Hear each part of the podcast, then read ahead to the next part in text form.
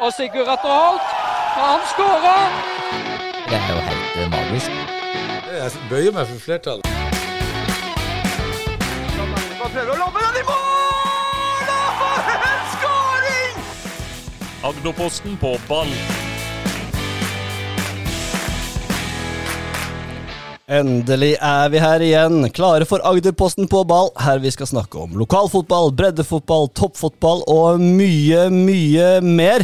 Planen er vi går gjennom det som har skjedd i fotballen, og så skal vi ha litt selvfølgelig himmel eller helvete, og så ukens høydere, da, hva skjer framover. Men jeg har litt hjertesorg. Min gode kompanjong og faste vikar, nei, sidemann.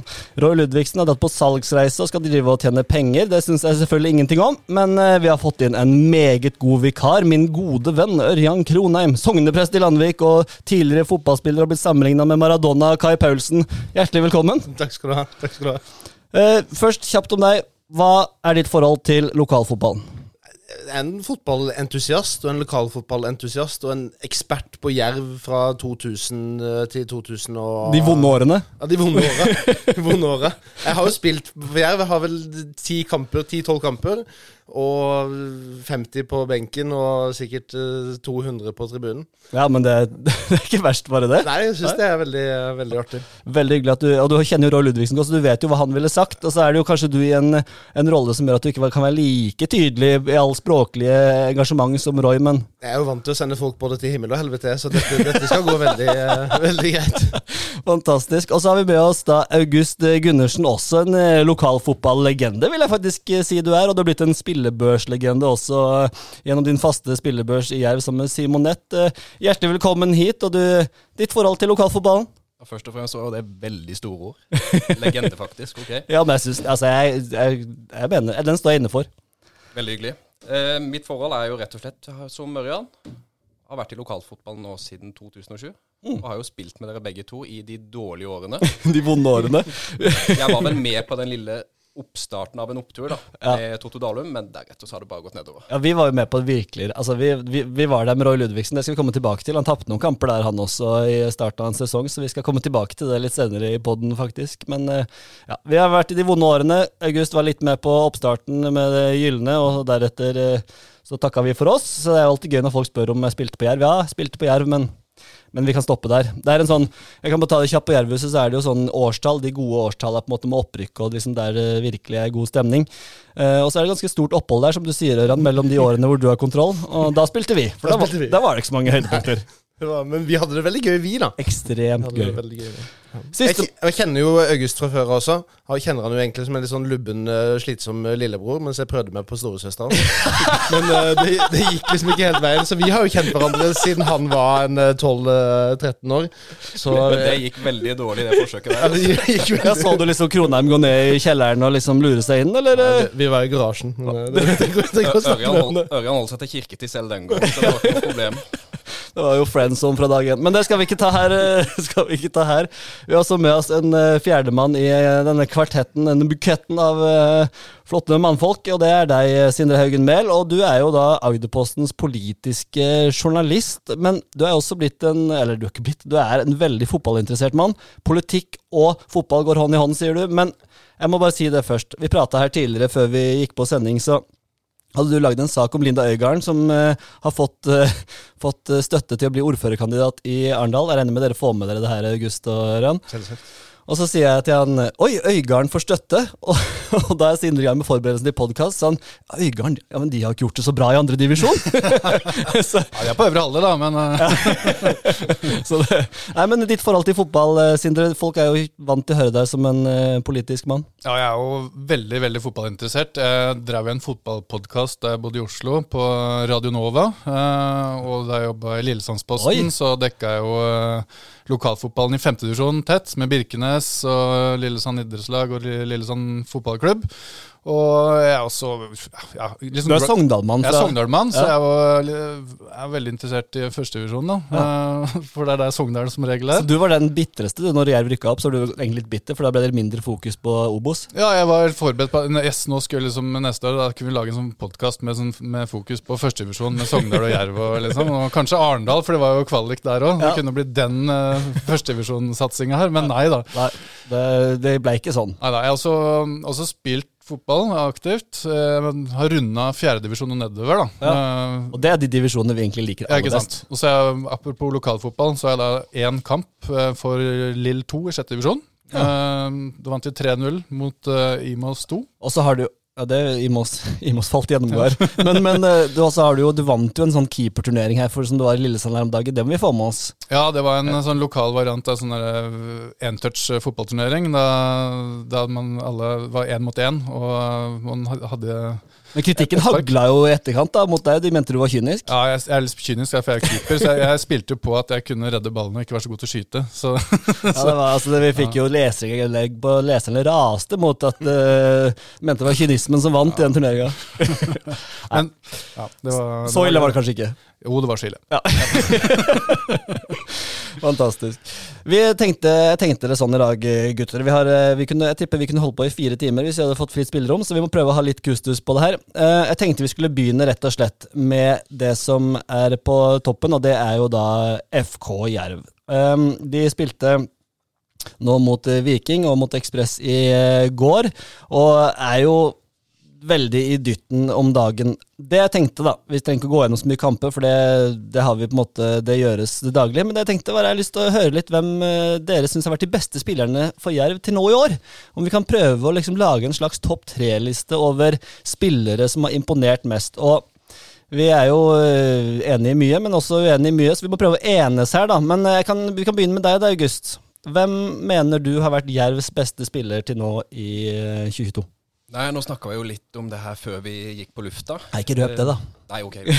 Vi later som dette er spontant.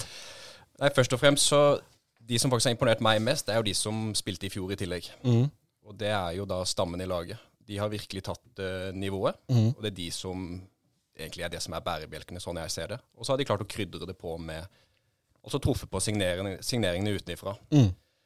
Så Norheim i starten, helt glimrende. Så han er for meg Nummer én? Foreløpig. Og for en mann, da. Han var jo død. Nydelig mann. Han var halvdød Halvdød. i februar. Men han har virkelig slått til. Øystein tatt nivået veldig bra. Eh, Øvretveit, for de som ikke er Øvretveit, på for de som ikke er helt på det. Han har også tatt nivået kjempebra. Han var Mm.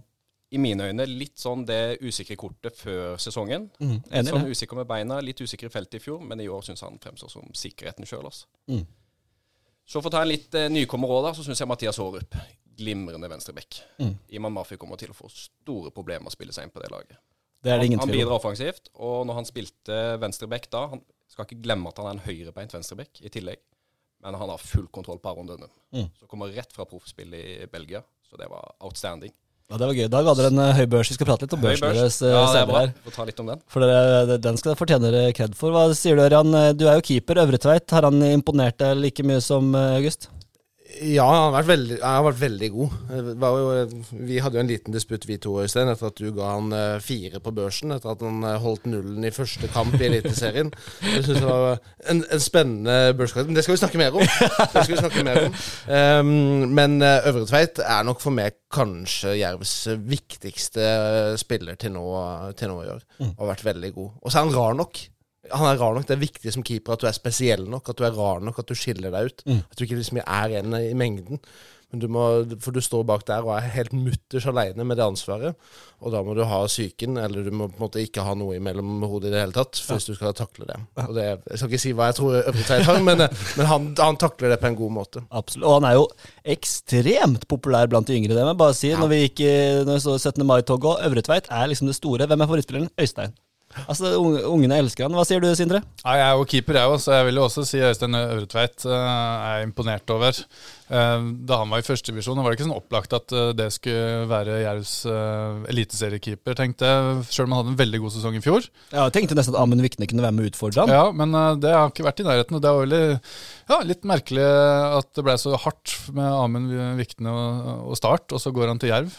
For han kommer også til å ha trøbbel med å, å slå Øvretveit. Tveit. Ja, han har jo hatt noen sinnssyke kamper og noen redninger som er helt Og som du sier, han er, han er jo blitt en sånn klubbmann som bare Han oser litt jerv, da. Ja. Og han står og flekker den der eh, smultring... eh. Er det kult, eller er det harry? Nei, det er helt rått. Er det rått? Ja, det er helt rått. Altså, det er, det er jo harry, men det er jo helt rått. Ja. Så det er, det er sånne karakterer og typer man trenger på, på laget. Ja. Så er det jo litt som du sa i børsen din nå, Øystein. At når, nei, ja, Øystein, du heter jo det, var du for så vidt. Eh, I forhold til når motstanderen får straffe mot Jerv. Du sitter jo faktisk og tenker den tar Øvre Tveit. Ja, man føler det. Ja, det Man føler, jeg satt med følelsen sjøl mot Viking. Den tar Øystein. Ja. Jeg tror, tenkte også at det her er det, det er sånn Jeg sa til henne etterpå at jeg forventer nesten at du skal ta den, men det er jo Og, og så tenkte jeg på når jeg skrev børsen, jeg kan jo ikke ta hensyn til at han ikke redder en straffe, på en måte. Det er ikke forventa at en keeper skal ta en straffe. Men det var nesten så jeg satte inn en karakter for han ikke klarte å redde en straffe. Og Det det blir ikke sier, sånn med Øvre Tveit nå. Hæ? Man forventer at han tar den. Ja, og da Det er jo ikke så det, så, Men han, han har vært meget god. Jeg, selv om jeg ikke er keeper, da, så tror jeg jeg må være enig der at eh, så, var, så hvis vi er tre av Du hadde Norheim på topp, men vi tre andre har Øvretveit, så da blir det Øvretveit, uh, August. Det er greit. Eh, nummer én.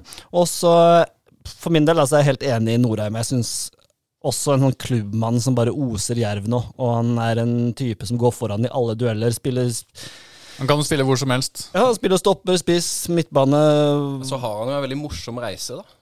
Ja, I absolutt. karrieren sin. Mm. Altså Han var i Start, tilbake til Så gikk han vel til KFM. KFM, ja. Riktig. Tilbake til Fløy, spilte midtbaneanker der i tredjedivisjon. Og så bare spilt seg opp igjen. Ja, men han Ta spiller jo like bare- bra uansett. Like bra. Ta nivået uansett hvor han spiller. Jeg tipper han kunne spilt Premier League. Ja, ja. Så det er litt sånn unik historie, og det er litt sånn Kobe Niemann Mafia. Ja. Veldig spesiell historie. Absolutt. Og så var det jo var det veldig gøy at han at på med den sykdommen og han hvor, Hva tror du Ørjan, hvis Norheim ikke hadde blitt klar? Altså det var jo, De forventa kanskje han skulle være ute hele vårsesongen. Hva, hva, hvor stort tap hadde det vært for? Ja, det har vært massivt. Det har vært et, et massivt eh, tap, og han har vært utrolig viktig. Vært liksom, han, han, det er så rart, for han er balansepunktet nesten hvor enn han spiller. Mm. Om, han, om de setter ham på midten, eller om han spiller sentralt bak, så, så blir han på en måte balansepunktet i, uh, i laget. Og så liker han jo kjerketid. Det er jo, uh, det Ja, det er jo din mann i Jerv. er jo en mann etter mitt uh, hjerte. Men for å ta bitte litt om det kjapt, da, for han, han er jo kristen og er tydelig på det. Og det som var fascinerende, var når godeste Thomas Næss var her og snakka om Jon Olav Norheim. Og måten han eh, fronter den troa på, eh, sier han er så respektert i hele gruppa. Og det er jo en, en kunst, det òg. Mm. Hva tenker du om det? Nei, Det er veldig flott å høre, og det, det er ikke overraskende. Han har gått på bibelskolen i Grimstad, og jeg kjenner flere av lærerne der som uh, forteller om han og sier bare hvor fantastisk fin uh, type han er. Ja. Det, du må ikke gå på bibelskole for å være en fantastisk fin type, men, uh, Det er bonus. men, men, men, men, men det er bra. Det er bra. Funka ikke på søstera mi, da. Uh, Sindre, hva tenker du om Norheim? Er du enig i at han bør oppe i toppen, eller har du noen andre ja, jeg liker han veldig godt som spillertype. Han uh, skuffer egentlig aldri. Han leverer. Um, og som sagt kan brukes på, fl- i flere posisjoner også, som er veldig viktig for Arne Sandstø, som gjerne kan bytte litt på formasjoner og sp spillemåte. Så han er en veldig verdifull spiller for Jerv. Da er vi enige om det. da, Norheim nummer to. Mm. Og så er det nummer tre. Der føler jeg det er litt mer, eh, litt mer uenighet, kanskje. Vi kan begynne med deg, da, Sindre. Hvem, hvem tenker du bør være oppi der? Du, Jeg, jeg synes det er litt vanskelig, for at Da jeg rykka opp, så var det mye pga. et veldig godt uh, offensivt uh, arsenal. Eh, det har vært dårlig med skåringer for Jerv hittil i sesongen. 0-8 på tre bortekamper og én skåring i hver hjemmekampen, vel. Gikk det heldigvis uh, litt sånn ketsjup-effekt mot uh, Ekspress. Kanskje det kan gi litt sjøltillit. Um, det var Sandberg som skåret to av målene. ikke hvor mye selvtillit de får spissene, men Og Hustad null. Hustad null, ja. Men når det er sagt, så har det, det er jo veldig mye potensial eh, framover for Jerv. Så når det løsner, så kan det bli bra. Ja, Ja, så har de jo Altså jeg tenker jo at De har jo et ekstremt uh, I de kampene og bortekampene spesielt, da, så har de hatt offensive spillere som har klart å holde på ballen i perioder hvor de har virkelig trengt det. Uh, Og Det er også en viktig egenskap. da. Men uh, har du et navn der, eller? Ja, um, Simsir syns jeg er kul spiller. Eh, og så må jeg også trekke fram Hårup uh, på bekken. Ja. Den to fine Altså, Dere sier at dere er keeper og liker Øvretveit. Altså, jeg kan like Simsir, for jeg var litt lik han, kanskje.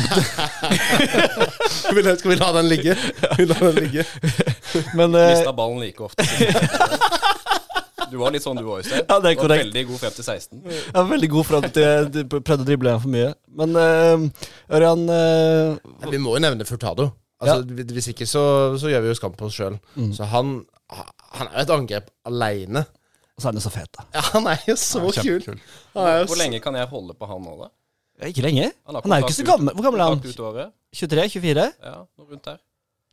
Han er 24 år. Ja. Og han, han, han, han blir jo bare bedre og bedre hvert år, og nå er han jo helt, altså han er helt rå. Og så folk, men folk kommer jo og sier sånn, han ser jo litt utrent ut. Men, men de jeg prater med, sånn, han trener jo hardest av alle, og han er alltid best fra 60 minutter ut. Ja, det, det, ja. ja, det er, det er utrolig godt poeng. Ja, Han, han, han ser jo sliten ut før vi begynner. ja. Og så er det liksom han som bare liksom Ja, nei, det er utrolig gøy å se på, altså. ja. Eh, og så er han jo på en måte akkurat den spilletypen som Jerv trenger. Ja.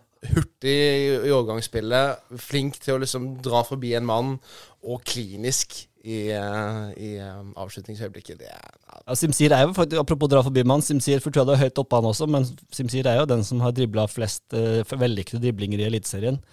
Han hadde jo seks på samme Tromsø-spiller, da. I, i, Ja. Rett ved midtbanen Ja. Men, den denne men, kampen. men den statistikken sier jo ikke noe om hva han gjør på nummer fire og fem, for hvis han kommer seg forbi to-tre, så er det vellykka. Men uh, du hadde Hårup der, var det ikke det du sa, August? Riktig. Ja. Så da har vi to på Hårup. Jeg er også litt, eh, jeg er jo veldig svak for Furtado. da. Jeg syns han er en nydelig mann, og har også blitt en sånn klubbmann for meg som går og smiler og, og er eh, ja, godgutt som er blitt jerv. Men jeg, Det er, det er jo som dere sier, han er utrolig viktig for det angrepet eh, til Jerv. Men nå har vi med, vi har med to defensive, en keeper og en uh, forsvarsspiller nå.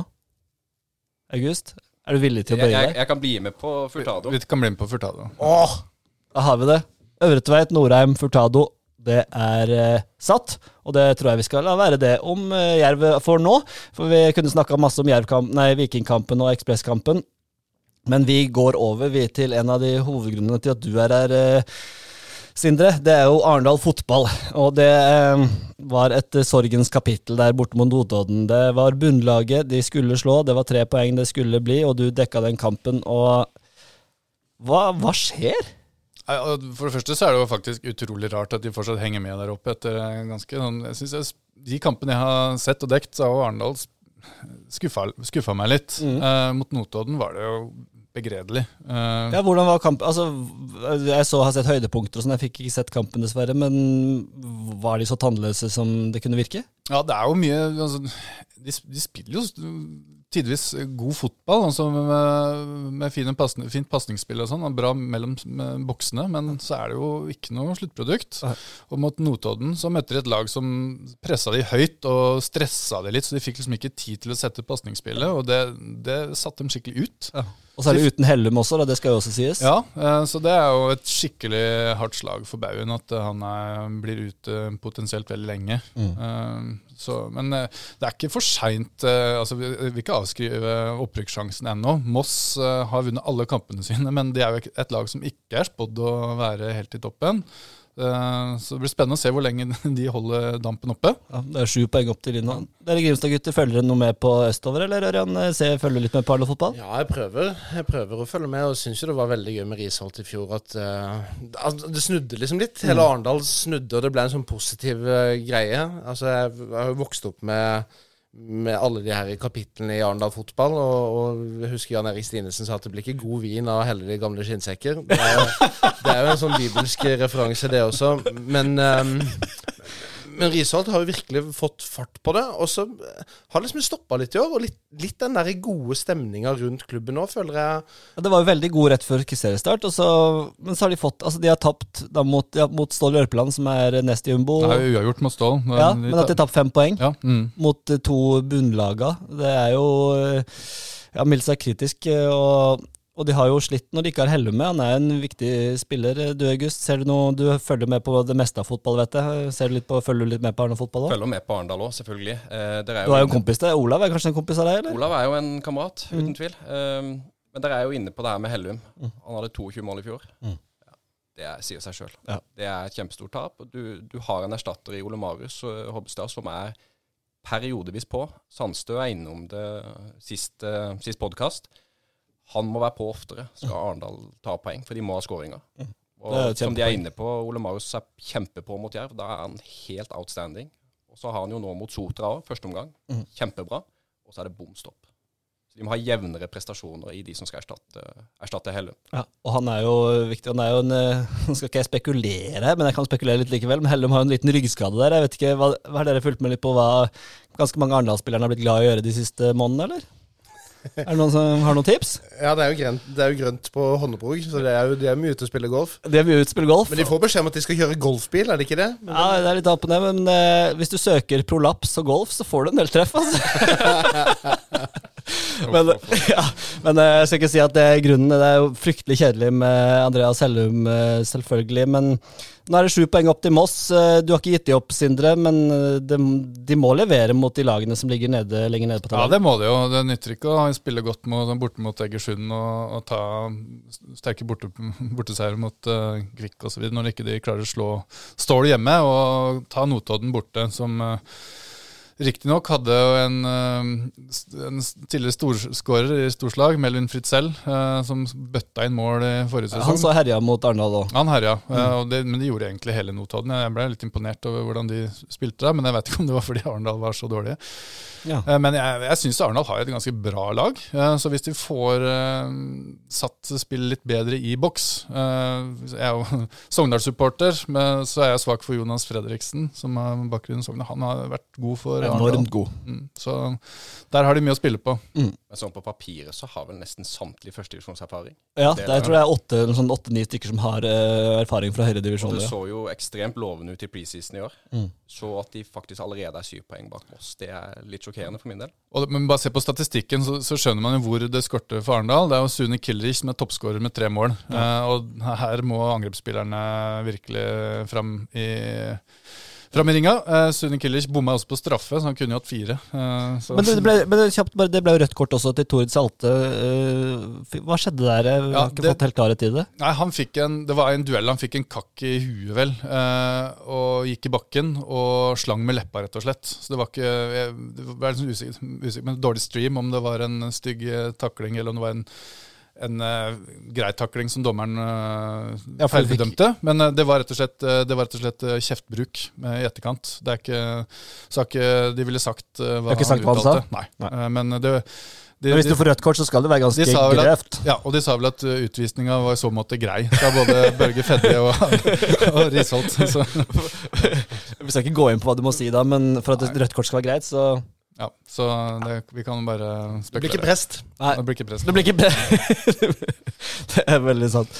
Uh, vi går litt videre ned et hakk også. Vi, Ekspress, der er jo du veldig tett på, eh, August. Eh, Det er tunge tider på Fevik. Nå var det en liten cupfest i går. Hadde jo, altså det er jo litt sånn symptomatisk, da. Jeg får vondt av Magne Aslaksen og Ekspress byr opp til cupfest, og så blir det første dagen med regn på altså månedsvis. Det er jo liksom symptomatisk for klubben, kanskje, eller for laget eh, akkurat for øyeblikket. Ja, nå føler man egentlig at det meste går litt imot. Mm. Du har været først og fremst, og så får du en alvorlig skade på Mats Anders etter 20 minutter. Endelig blitt skadefri, og så Ja, hva er status der? Det kan vi ta med en gang. Nei, det var ikke så mye de fikk gjort på legevakta i går, så han ble sendt hjem. Ja. Men han må ta MR. Men det er jo mest sannsynlig et kragebein som er ute av posisjon, og så er det mistanke om et eh, korsbånd. Så det er kanskje kroken på døra for i år.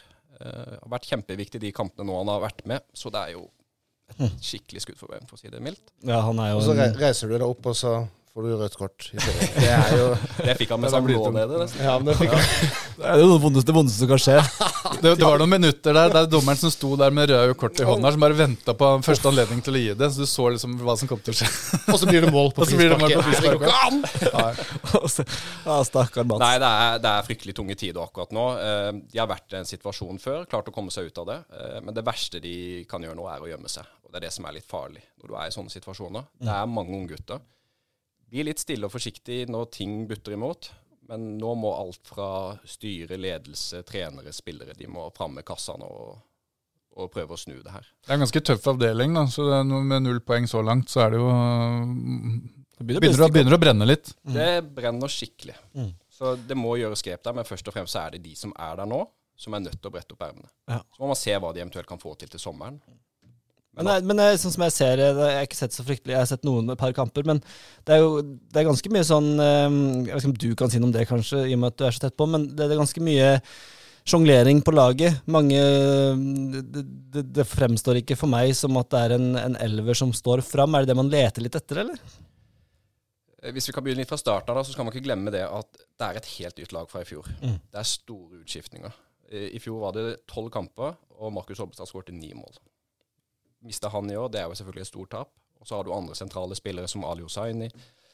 Han er en type Eh, som virkelig, som Når du sier at det som ikke gjemmer seg. Helt riktig. Mm. Eh, Så du har flere der da som du mangler sammenligna med i år. Og i år er det flere unggutter, spesielt som har kommet fra juniorlaget til Arendal. Og man kan ikke forvente at en juniorspiller skal komme og ta tredjedivisjon. Det er så stor forskjell fra det å spille junior og tredje. Mm. De må ha tid, og så skulle man helst hatt noen med litt mer ballast, litt mer erfaring, for å løfte de unggutta. Mm. Og det er det ikke per nå. Mm. Så forventningene mener jeg har vært skrudd altfor høyt opp i starten. Det her kom til å bli en kamp for å overleve. Men nå dessverre så er det jo ser det jo veldig stygt ut. Hva tenker du gjennom om Ekspress om dagen? Har du, har du noen, gjort deg noen tanker? Jeg har mye tidligere konfirmanter eh, i laget. Altså no Noah Beisland er konfirmert, Tom André Tungesvik har konfirmert, eh, Magnus Kjølsrud har konfirmert. Så det, det er jo veldig, det er jo trivelige, trivelige gutter, altså. Jeg ser Det blir jo veldig spennende nå til mandag. Skal møte Fredrikstad 2 hjemme. Ja. Min gode venn Magnus Medling er trener for Fredrikstad 2. Han er via. Eh, Det vies og døpes og konfirmeres. nei, men eh, det, nei, jeg, jeg tror jo August eh, setter spikeren, treffer spikeren på hodet. Det mangler ballast. Mm. Uh, så det er ikke sant, Tobias Olsvik er jo med, men starter de fleste kampene på, på benken. Det er jo en sånn spiller som eh, Jeg vet ikke hvordan formen er, men han, han har iallfall erfaring, og han på en måte vet hva dette virkelig dreier seg om. Um, så nei, Men så kan man snakke det her i forhold til ledere. Man, man blir ikke ledere, man er ofte født ledere. Og mange av de litt eldre karene som er der nå, det er ingen verbale ledere. Mm. Og det kan du si er stort tap med Ali Hossaini, som virkelig er en som kan skape Ja, ja, han eh, irritasjon og Ikke sant? Litt trøkk på trening, trøkk, trøkk i kamp. De mangler litt den biten nå. Ja. Det er litt det var, et, det var et kanskje større tap enn det man hadde trodd, akkurat det med Ali? Eller man, så man, tenkte du det med en gang at det var kjipt? Selvfølgelig. Han var jo Ekspress desidert beste spiller i fjor. Ja. Så det er kjempetap. Det virker veldig lenge siden jeg husker høsten i fjor, der det ble snakka om at Ekspress kunne jo faktisk rykke opp eh, Stemmer det. mot slutten. Og åssen det ligger an nå, når det er helt i bånn, med seks poeng opp til trygg plass. Så kunne man rykke ned i fjor òg. Det, kunne man, det, var, det var en enkel serie, så Det var veldig, det var veldig fint for oss tabloide journalister å kunne Ja, ja. Si, peke på at de, de kan rykkes opp. Så nei, vi, vi, vi, vi krysser selvfølgelig alt vi har for at Ekspress eh, kommer seg opp på beina igjen. og, og og det, det er jo ikke umulig, det har skjedd før. Du fortalte om det her eh, før, at det har vært lignende situasjoner tidligere. Ja, jeg og Ørjan har vært med på det her eh, under Roy Ludvigsen i Jerv 2007. Ja. Vi tapte de syv første kampene, så det sang. Og da fikk, eh, måtte Roy dessverre gå, og Kai Ove Sto bak i og døra. Arve Olsen tok over. Det som er litt spesielt med den sesongen der, var jo at det var jo nesten ikke kunstgressbane her nede. Og det var den verste snøvinteren siden 54. Vi hadde, vi hadde jo ikke balltrening. Vi løp i tunnelen på Levermyr. Og når vi da kom til sommeren, så mente Kajoba at vi fortsatt var dårlig trent.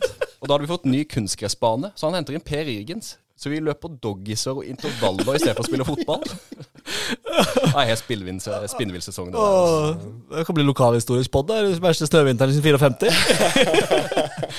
ja, det er sterkt. Det er sterkt. Nei, vi får um, det, var, ja, det ble kroken på døra for eh, Ludvigsen der, eh, men um, vi får håpe at Krokvik får eh, fortsette, da. Men det var jo også det Det var jo da det snudde for Jerv. ikke sant? Da fikk jo Roy fikk sparken, og så kom eh, Knut Ugland rekende på ei fjøl fra Oslo den sommeren der. Oh, ja. Kom med seg på lasset. Fikk han Andreas Hagen. Vi fikk inn en uh, spiller fra Australia. Var det da Øyvind Johannessen kom òg? Nei, han kom vel sesongen etter etter. det. Ok. Og så redda vi plassen, og så uh, sakte, men sikkert så snudde hus, det. husker du første treninga til Hagen?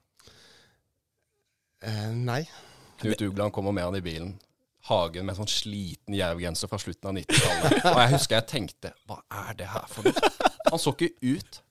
Det er, det er den sykeste treninga jeg har sett av en enkeltspiller i mitt liv også. Såpass? Var- Ja, det var helt spinnvilt. Stemmer det. Helt spinnvilt. Ja, nei, altså Hagen i form, det er ingenting som er deiligere å se på enn det.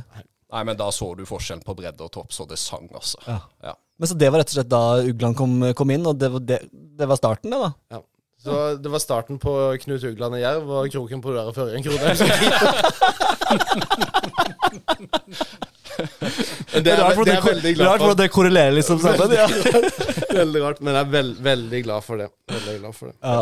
Oppturen starta, og nedturen bare fortsatte. Ja, nei, altså, det var um, det, det har jo gått uh, Du har jo stått mye gode kamper etter det året, så sånn sett så det var uh, Skal ikke, det går ikke stå ikke noe tilbake for det. Uh, vi skal uh, bevege oss litt videre rundt da, nedover i divisjonene. Det er jo uh, noe av våre lyttere liker aller best, uh, tror jeg. Det for tilbakemelding om at de syns det er gøy at vi går gjennom litt de lavere divisjonene også. Nå har vi gått gjennom de tre tre øverste, eller i hvert fall Eliteserien og andredivisjon og tredjedivisjon. Hvis vi ser på fjerdedivisjon, da, så kan vi jo ta med oss de kampene som har vært siden sist. og Det er jo da bl.a.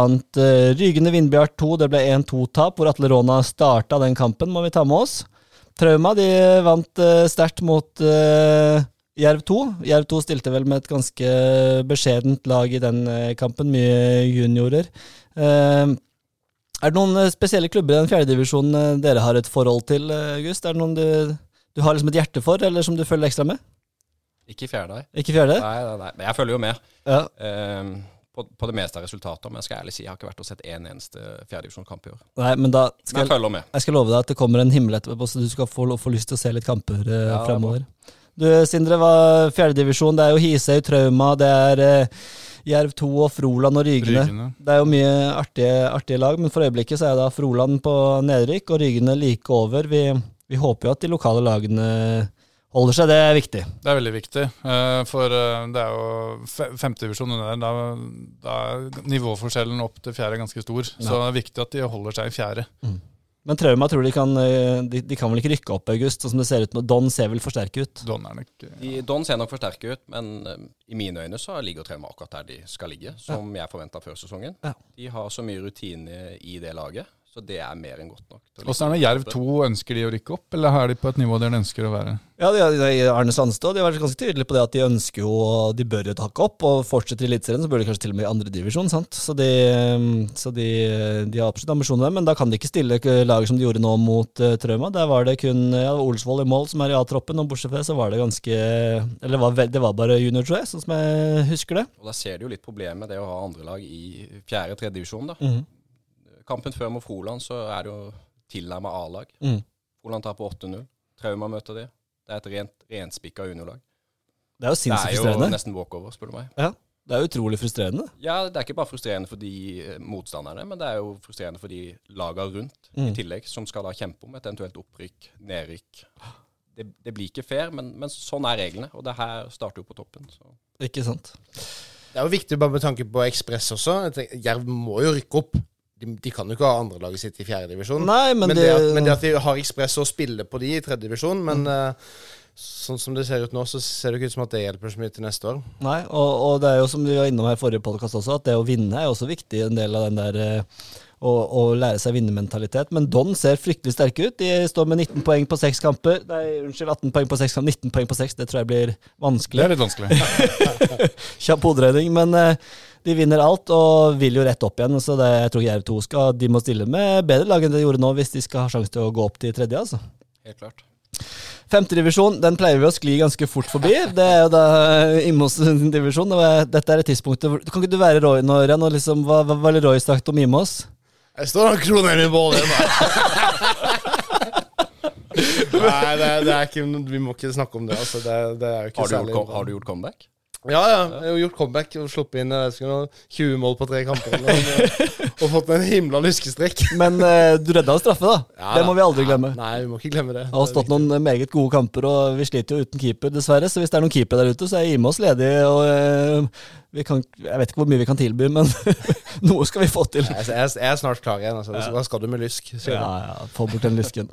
Nei, det blei ehm, Det er eh, rett og slett eh, ja, Siden sist da, så har det ikke skjedd så voldsomt mye der eh, av lag som vi interesserer oss for i Aust. Vi hopper ned takk. Der er det mer, langt mer spennende. Det er sjette divisjon. Det eh, hvis dere har hørt litt på poden, så er det min favorittavdeling her i, i Aust. Og ja, det er jo Terje Pedersen. Det er vondt, men jeg kan ikke, jeg kommer ikke utenom. Altså, nydelig mann, men 2-4 for Lia.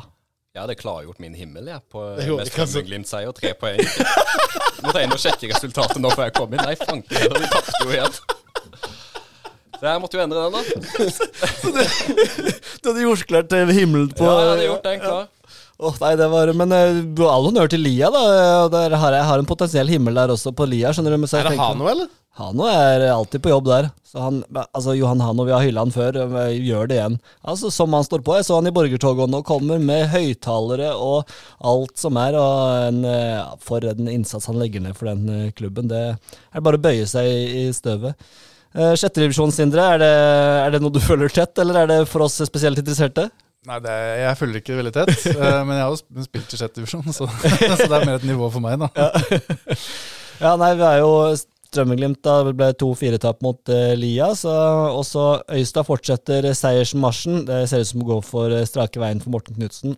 Eh, det ble nok noen, en goal for Brun Henriksen mot Hisøy 2. 3-2-seier. Det var ikke sånn voldsomt. Hadde kanskje forventa enda litt mer. Ekspress 2 tilbake på seiershesten. da. De tapte vel mot Var det Lia forrige runde? Da ble det- Ri- Riise var det. Riser, ja. Veldig bra. De tapte mot Riser, og da fikk jeg en lang forklaring fra Yasir Monir, og han var så skuffa, stakkar. Var- da fikk du tre av fire sider da, med forklaring. Det er og- korrekt. ja. Det er meget godt uh, lest uh, situasjonen, August. For jeg spurte han eh, før podden om kunne, liksom, hva skjedde for noe, så fikk jeg ikke svar med en gang. Og da jeg var ferdig på podden, så gikk jeg opp og kikka, og da hadde jeg fått ja, tre av fire sider. Ja, med- da, da er det som det pleier da, vet du, med Yasir. Ja. Nei, så, så de, men de kom i hvert fall tilbake på um, seiershesten og vant 6-1 mot Sørfjell. Så det er vel de trengkampene som er spilt siden forrige pod, men blir tungt da for stakkars Terje Pedersen. De ligger nest sist med Ja, de ligger sist fordi Imos 2 vi trakk laget, så Strømmen-Glimt ligger dønn sist med to poeng på sju kamper. Du kjenner Terje Pedersen når han eh, i hvert fall spilt mot han mye. Det er ikke noe Vi ønsker han bedre enn det. Ja, jeg ønsker Terje alt uh, godt. Altså, han, uh, jeg har studert uh, gått på lærerskolen som min søster. Og Jeg trodde, jeg trodde du skulle si at du har studert teologi sammen med han, men han er jo kjent for å være den personen i Aust-Agder som snakker om seg sjøl mest i tredjeperson på fotballbanen. ja, det er sant. Terje går! Terje kommer! Det går ikke veien for Terje! Så det, det Nei, jeg ønsker Terje alt godt, altså. Ja, nei, Vi får håpe at det får sving på det. Det er en, en lokalfotballentusiast og en legende i lokalfotballen. Det må vi faktisk eh, kunne kalle han. Eh, så kan vi dra over på eh, kvinnefotballen, da. Og der er det jo Arendal eh, fotballkvinner. De vant en veldig viktig kamp mot Gimletroll eh, 2-1, eh, og står nå med seks poeng etter fire kamper. De, de må jo komme på disse topp fire-plasseringene hvis de skal overleve i andredivisjon, som skal kuttes dramatisk. Eh, Så det blir en spennende kamp. Eh, Altså Kvinnefotball, følger du noe med? Jeg skjønner at kanskje Arendal fotball kvinner 2 er i andredivisjon er kanskje ikke det som følges mest med på, men hva tenker du om at de har fått på plass et eh, damelag da, i Arendal? Ja, det er jo veldig spennende. Det er veldig spennende, og ehm, det er jo spennende med tanke på at uh, jeg følger jo Amazon ganske tett. Mm. Gikk i borgertoget for Amazon i år. Uh, og er jo spent på hva det her betyr for uh, ja, de spillerne som Hvor mange er det? 15-16 spillerne som er igjen i Amazon. Hvor attraktivt er det når sommeren kommer og, og det er grønt i både Arendal og Kristiansand, og, Mm. og Amazon sannsynligvis ligger under streken. Så, så det er spennende. Men det vi må huske, da kan vi det er flytende overgang til Amazon, men det vi må huske der, er jo at der er det grunnspill. Og det har jeg vært litt neglisjert litt i forrige podkasten også. Eh, for det er jo ikke sånn at det er jo egentlig ingenting som betyr noe. Ja, det er bare treningskamper, og det er jo helt forferdelig, det seriesystemet. Her våkna. Sindre. Det Ja, er sånn politikk der. Dette, er- ja, dette engasjerer meg. For det, det spillerne de, de flykter jo fra toppen, til og med. Guro Pettersen gikk jo til Sverige, for hun ville ikke spille i, i toppserien med det nye systemet. For at kampene betyr jo ikke noe, med mindre du kan havne på topp fire. Og når det kommer til opprykk og nedrykk og sånn, jeg skjønner ikke sjøl. Jeg er jo ganske, følger med på fotball, men jeg skjønner jo ikke, jeg klarer ikke forklare det på en god måte åssen det fungerer. Nei, det er helt merkelig. er, Hvordan skal publikum da ville strømme til, til kampen, eller folk ser det på TV når ikke de skjønner hva det betyr? Ja, det er helt Er det. Bomma totalt, altså? Ja, jeg prøvde å lese de kulepunktene fra NFF. For det er jo sånn, altså for de som ikke har Nå skal jeg prøve å forklare etter Ja, beste evne. Ja. Det er jo sånn at det er et grunnspill i førstedivisjon og i toppserien. Så første halvdel nå Nå satt det godt til rette her, Ørjan. Han ser på meg med noen store øyne. Her er nysgjerrig. Jeg må ha litt kaffe. nå. Ja, du må fylle på kaffe, kaffen. Nei, eh, det er jo et grunnspill hvor eh, de to øverste lagene i førstedivisjon går til et, eh, et sluttspill med de plass fem til ti i toppserien. Så plass, plass én til fire i toppserien, de skal eh, spille om eh, seriemesterskapet i, i en dobbeltserie. Og plass fem til ti de slår seg sammen med plass én og to i førstedivisjon, hvor Amazon ligger.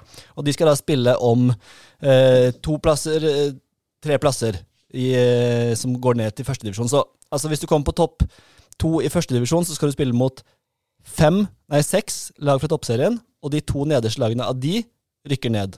I en, en, i en enkeltserie, da. Ja. Ja, i en enkeltserie. Og eh, det betyr at da de eh, åtte nederste lagene i førstedivisjon, som da trolig blir Amazon, de skal spille om to nedrykksplasser der. Og dette nullstilles jo i en enkeltserie, så alt begynner jo på nytt når vi kommer til sommeren, og så skal de spille om to nedrykksplasser. Som Amazon ligger, tar null poeng da, fram til sommeren, og ligger sist. Nå har de tatt fire, men, men eh, så spiller det ikke noen rolle, for da nullstilles det, og så skal de spille enkel serie. Så, det som er positivt for Amazon, da, som tapp, for øvrig tapte 1-2 mot Kiel Hemne, er at de, kan ha en, de har et, noen måneder nå på å stable på beina et eh, slagkraftig lag, og kan bruke sommeren og plutselig fremstå i en ny drakt og sikre plassen. Uh, så, og det her har vært eh, til selvkritikk på det. Det har vært for dårlig formidla av oss her i poden også. Ja, det synes jeg. Og, men spillerne også hater det jo. Det var en undersøkelse i toppserien vel, eh, at spillerne de, det var 90% som var negative. og 90% som var negative til hvordan det er lagt opp. Ja, det var én som var positiv, tror jeg. En én spiller som var positiv.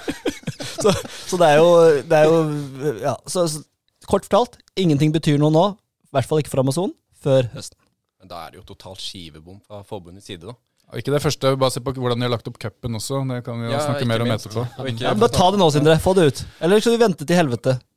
Vil du ha den? Nei, vi, vi, vi, Hvis vi skal ta en egen runde på cupen, så kan vi ta det da. Ja, ja, nei, men ta, da, fyr cupen nå. Vi går løs på cupen. bare si det med Amazon, da, med det herlige bakteppet at her er det mye som betyr noe. Så er det fint å komme på kamp til, Ja, på lørdag. Altså nå Men til lørdag så er det kamp hjemme mot Ålesund. Blir det eh, Kristiansand eller Grimstad nå? Det blir Grimstad. Ja, så bra. Det, jeg har, det, det er jo Nei, det er jo så vondt. Var det Størildstevnet som var forrige gang, eller? Ja. Ja. Det var friidrettsstevne. Ja. Så da må Amazonen flytte til Kristiansand. Ja. Og Kristiansand, ja. Men, eh, men nå til lørdag er det kamp klokka fire, og da vet jeg at det er en sånn mobilisering i barne- og ungdomsfotballen. Oh, ja. Så da håper vi at det blir litt eh, mer folk og, og, liv, eh, og liv på stadion. Så gøy. Det er det som må til. da, Skape litt ramme rundt. Ja. Og rett og slett ja, eh, mobilisere. Um, Men det, det er jo ingenting som betyr noe, så det er bare, det er bare å bli hjemme. Nei, kom!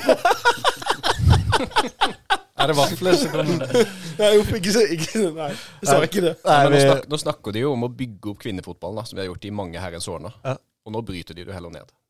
Ikke sant? Det blir jo ikke noe interesse rundt kampene når det ikke er noe å spille for, enten det er topp eller bunn. da. Nei, det er helt kun meningsløst. toppen, da. Så det gir jo ingen mening i det hele tatt. nei, og det, det, er, det er rett og slett helt meningsløst. Og det er eh, ja, jeg, jeg, var, jeg var for 100 ærlig så var jeg ikke helt klar over hvordan dette fungerte før jeg, det gikk opp et lys for meg. Og da, da tenkte jeg at det er jo egentlig bra for Amazon, kan være, da. Sånn ja. alt i alt så kan det være positivt, for da får de litt tid på å få landa alt dette strukturelle, og så kan de forhåpentligvis da til sommeren ha en litt mer struktur på klubben som gjør at de kan få inn nye spillere og, og forsterke litt. Hvis vi skal bare holde litt på kvinnefotballen, så kan det hende om vi får storfint besøk eh, til helga, da. Med nye storsigneringa til uh, Fortuna. Ja, det er jo Dattera til Solskjær har jo signert for. Ålesund. Ja. Ja, det så jeg. Mm, så kanskje kommer, kanskje kommer, Kanskje kanskje kommer eh, Ole Gunnar til, til Levermyr. Ja. Sterk oppgradering fra en prest og fysioterapeut. er. Ja, men Ole Gunnar kan rett og slett komme Det, det er jo også en grunn til å komme på kamp, bare det. Ja. Der må du formidle videre til dine Amazon-kanaler, Ørjan. Ja, absolutt. Og det er jo en god sånn tråd med at Ålesund kommer til, eh, til Levemyr. Jeg husker når de gjorde det på tidlig 2000-tall, så satt jo da mamma Riise på, eh, på VIP-tribunen der. Var det da vi drev og skrev under de- Var det da vi fikk henne til å skrive under eh, autograf... Nei, det var ikke Det var Nei, det var- Hege Riise. Hege Det var nå Nei, det var Hege Riise som var på besøk. Det var landskamp der. Ja. Da da vi var russ. Ja, det var, Så jeg har- men, eh, men Berit Riise har også sittet på, på ærestribunen på, på Levemyr stadion. Da var det Bjørn Helge som spilte for, eh, for Ålesund. Vi har vel hytte ganske oppe ved Indre Bygder, ikke så langt unna. Så det er, Berit? Ja, ja. Yes. Oppe i Åmli-traktene, tror jeg. Har hun det, ja? Så det er lokalt deluxe. Kanskje vi må invitere henne? Nå Apropos Hege Riise, vi fikk eh, autografen på rumpa på russedrakta. Det var liksom det store, husker jeg, med Hege Riise der. Var, det var, det var gode minner. Eh, Men cupen. Da tar vi den siden vi snakka om det nå. Siden der vet jeg at du har, du, er, du har sterke følelser. Også dette er litt sånn inn på politisk nivå på fotballen. For du, du er ikke 100% Du er heller ikke 50 Du er ikke 30% fornøyd med du, hvordan eh, NFF har satt opp cupen. Nei, det er jeg ikke. Og for, jeg ble, jeg bobler litt inni meg. Men for det første så er jo dette her med at man har cupfinalen på våren, har jo vært en mageplask uten like. Mm. De, når, når finalistene blir klare et par uker før, så får, jo- får du ikke den folkefesten eh, cupfinalen fortjener. De er med på å utar- utarme hele produktet, rett og slett, ved at eh, de blir nedprioritert. Og det skal de jo fortsette med også i år, årets cupfinale. Eh, Cupen 2022 skal spilles eh, våren 2023 pga. Qatar, sier de. Men dette er noe de vurderer å gjøre permanent, fordi de syns det er spennende med, med nyvinninger og sånn. og det. Cupen er tradisjon. Det skal være cupfinale på høsten, og det skal være kaldt, og man skal fryse. og man skal være i Oslo eh, fra fredag til søndag, ikke sant. Ja. dette her funker ikke. Og ikke nok med det, da, så har NFF også klart å rote noe fryktelig med oppsettet i første runde i år. Eh, for det første så glemte de å ta med treff, som gikk videre fra kvalifiseringa. Og i oppsettet så hadde de heller tatt med Åkra, som røyket mot Vard Haugesund. Altså, gå da banen, altså! Og så, så er det, sånn, det er jo sånn første og andre rundene, og så er det jo oppsett. altså Fotballforbundet bestemmer hvem som skal møtes, det er ikke trekking. Eh, Det er jo heldigvis et tingvedtak nå fra fotballtinget om at fra tredje runde så skal det være trekking, og det er jo eh, Det bedre. det er jo bedre. Men her er det også bomma Men For eksempel da, første runde damer, altså Arendal og Amazon hadde jo vært en kongekamp. ja det, det klarer de jo ikke. Ja. De, også, det er jo flere eksempler nå. Ottestad i fjerdedivisjon, de, de er jo fra Hamar. De kunne fått den cupfesten var- ved første runde jeg vet ikke om de har vært i første runde noen gang, og så blir de sendt til Elverum istedenfor, divisjon. Og tapte 2-1. Tapte 2-1, ikke sant? samme, samme i Drammensfotballen. Da har du både Åskollen og Åsia og i første runde. Eh, Men istedenfor setter de opp Godset mot Hønefoss, som eh, var i Eliteserien for ti år siden istedenfor. Og ikke har noe, de har ikke noe, altså Hønefoss og, og Strømsgodset har jo ikke noen eh, rivaleri i det hele tatt. Hva sier du, Ørjan? Er- Koker det deg òg, eller er det smitter engasjementet her? Ja, det er jo helt håpløst. Og en, det er jo litt vondt å kritisere NRK, altså. Statskanalen nå. Men jeg setter meg ned i går kveld tenker at nå må jeg få lov å få sett måla liksom, fra cupkampen. Så er det bare en sånn livesending som ligger i opptak på NRK TV. Men det var faktisk ikke en oppgradering. altså Det hadde de jo ikke for de, de siste rundene fra fjorårets cup. Altså de har, NRK har jo ikke klart å prioritere cupen. Det er en- av grunnene til at cupen har fått den dårligere statusen den har. Det jo, har jo også NRK litt skyld i. Det klarte jo ikke Jan Petter Saltvedt, NRK-kommentatoren, å ta sjølkritikk på da han var kommenterte hvor dårlig NFF hadde prioritert cupen. Men han kunne faktisk sett seg sjøl i speilet litt, da. Og vi vet jo det, Sindre, vi som jobber i media. Hva vi dekker og hva vi skriver om, det har mye å si, det. Det har det absolutt. Sånn det. Vi, best, vi bestemmer jo. Vi har jo litt Vi har jo mye vi skulle sagt. Så Absolutt. det vi dekker og skriver om, det, det er Den må NRK ta. tar. Så alt vet, hvis du hører på, regner med du er fast lytter av Agderposten på ball. Ikke bra nok. August, hva sier du om cupen? Det ble jo cupfest heldigvis på Fevik, da, men, eh, men for øvrig, har du noen eh, tanker om, om eh, NM og cup... eh, Cup, hva heter det? Cupgleden? Nei, det er jo veldig mye inne på nå, hvis vi er inne på slakt. Men, men det er jo bare å se sånn som NRK lagde produksjon på semifinalen nå før cupfinalen 22. Ja. Jeg skulle inn og se sammendrag. Mål. Måtte spole meg gjennom 90 minutter for å komme til målet. Og det er ikke sant, For en vanlig Ola Nordmann å sitte og spole seg gjennom. Og så begynner de sendinga fem med minutter før da. kampen, så du får ikke, opp, du får ikke opptakten til kampen engang. Det er jo sånn bare, det er jo rett fra, det er rett fra Norge Rundt, eh, semifinalen i cupen. Det, det går ikke, altså. Vi må ha litt uh, Ja, men det er jo Nei, det er så tungt. Det er så tungt. Ja, De må jo skape det, den stemningen. Altså, Ja, de skal sender de ha, Harald Tingnes til sånn grisgrendt uh, nabolag igjen, og så er det liksom, de er liksom beholdninga. Nei, det er så tungt. ja, det, det er mye. Ja, det blir litt sånn eh, Norge Rundt-feeling ja, på, på noe av det. Uh, men det var et hjertesukk fra deg, og det, vi, vi bifaller, vi andre også. Vi håper jo at cupen får den statusen den fortjener, for det er jo sinnssykt gøy med cup. Det er kjempegøy.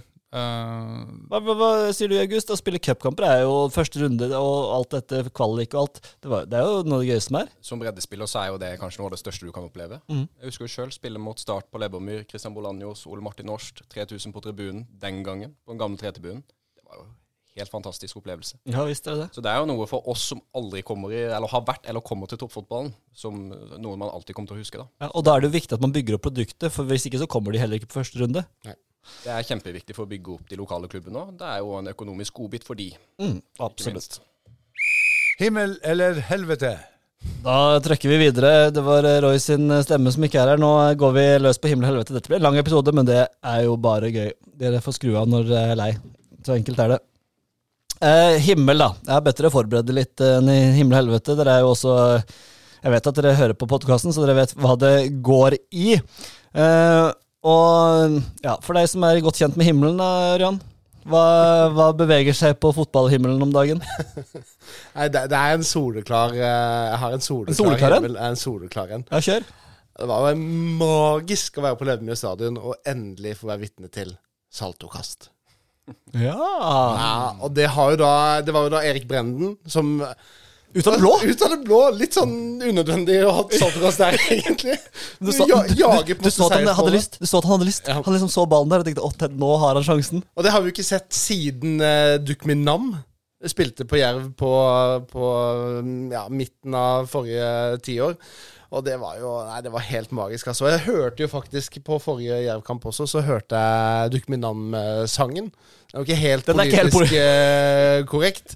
Men jeg har jo da, som, som stor eh, Jerv-fan, så har jeg jo intervjua min når jeg var, gikk på barneskolen. Lagde sånn portrettmann, portrett med en helt, og spurte han. Og han kom jo fra Kambodsja, eh, og, og syntes at den sangen bare var, bare var artig, altså. Duk min navn, han er vår mann. Svarberget elsker han. Han som lever av fotball, ris og vann. Hvor han kommer fra, vet bare han. Den er jo Det er ikke Det er jo ikke helt bra! Men, men, men, men han syns den er grei. Han synes det er grei. Ja, det er, Men, men han ble jo også kalt for Fredrik i mange år. Det er jo en stor historie, for det var jo litt sånn Plutselig så ble det veldig inn at du skulle ikke lov Det er ikke lov å rope 'min'. Ikke sant? Det er ikke lov å 'min ball' eller, eller 'dukk'. Du skal ikke rope til noen de skal dukke. Han ble kalt Fredrik i veldig mange år. Men det var er- Robert Smådal og Geir Tungesvik. De kalte han for Fredrik, husker ja, jeg. ja. Men han har jo stor karriere. Ja. Spilte på start, var med i opprykkskampen eh, borte mot uh, Godset i 99, når Espen Johnsen eh, brakk en finger og sto sin livskamp de siste 20 minutter der. Og Terje Leonardsen kommer inn to minutter på overtid og skårer seiersmålet. Men så fikk han ikke lov å være med opp i Eliteserien og kom tilbake til, eh, til Jerv. Men min er en eh, lokal eh, fotballegende. Definitivt. Tvilsomt. Og nå lever, lege- nei, nå lever han videre gjennom saltokastene til Erik Brennen. Det er det som er himmelen, sant? Ja, det er helt himmelsk. Ja, så, så bra. Uh, August, den eh, blå himmelen, hva har du der? I utgangspunktet så var jo det en trepoenger til Strømmen-Glimt. Men ja, det var det var, er jo bare å legge lokket over med en eneste gang. Nei, så Jeg måtte kikke litt nå før jeg kom inn her. da Og Dere hadde jo en fantastisk fin sak på forsiden av Agderposten i dag med dommerlegenden Kjell Ivar Lundvall. Jeg har den her oppe på min himmel òg! Har du det? Ja! Kom Nei, Den syns jeg var en helt nydelig sak. Kjell Ivar han er jo en veldig fin type, og det han presterer å gjøre der, å ta med seg en som inklu inkludere en person som kanskje har noen begrensninger, da, inn i fotballen og vise det samholdet som, som er der. Det er helt fantastisk. Så en Mm. Soleklar himmel til uh, Mr. Lundvall der, altså. Åh, Det fortjener han. Og gå inn og les den saken. Det er nydelig.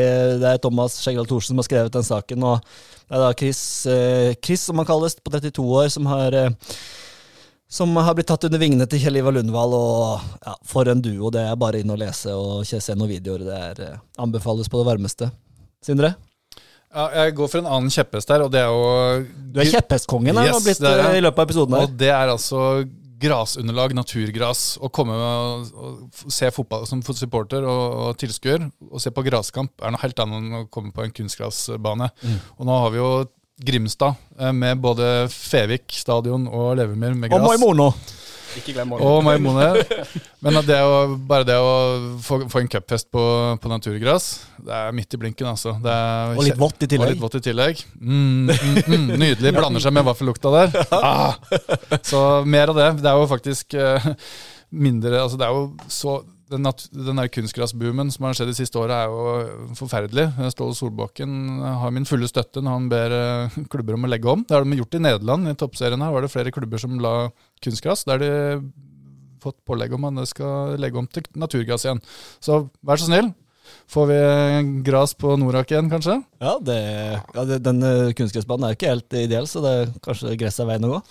Nei, det er, jeg er så enig. Jeg er så enig. Og det er jo et annet spill. Det blir jo sagt litt som til de kjedsommelige, men det er jo et annet spill. Det er det. Jeg ser på de unge spillerne som kommer opp nå. Utrolig gode tekniske, men de mangler den derre Åh, nå hørtes du 65 år ut her. men de nå, nå tar du Roy Ludvigsen-rollen til det fulle her, Ørjan. Men det, det, er, det, men det er jo alle andre land så holder de på med, med gras. Det er jo her på Bjerget det er kunstgrasgenerasjoner. Eh, det, vil jo gi seg utslag i, i Ja, for vi har, på ingen, vi, har, vi har ingen gode unge spillere nå i Norge, vi det da? Det er jo ingen Erling Braut Haaland, det er ingen Martin Ødegaard som har drevet på kunstgress. Det, det går jo tydeligvis ikke bra.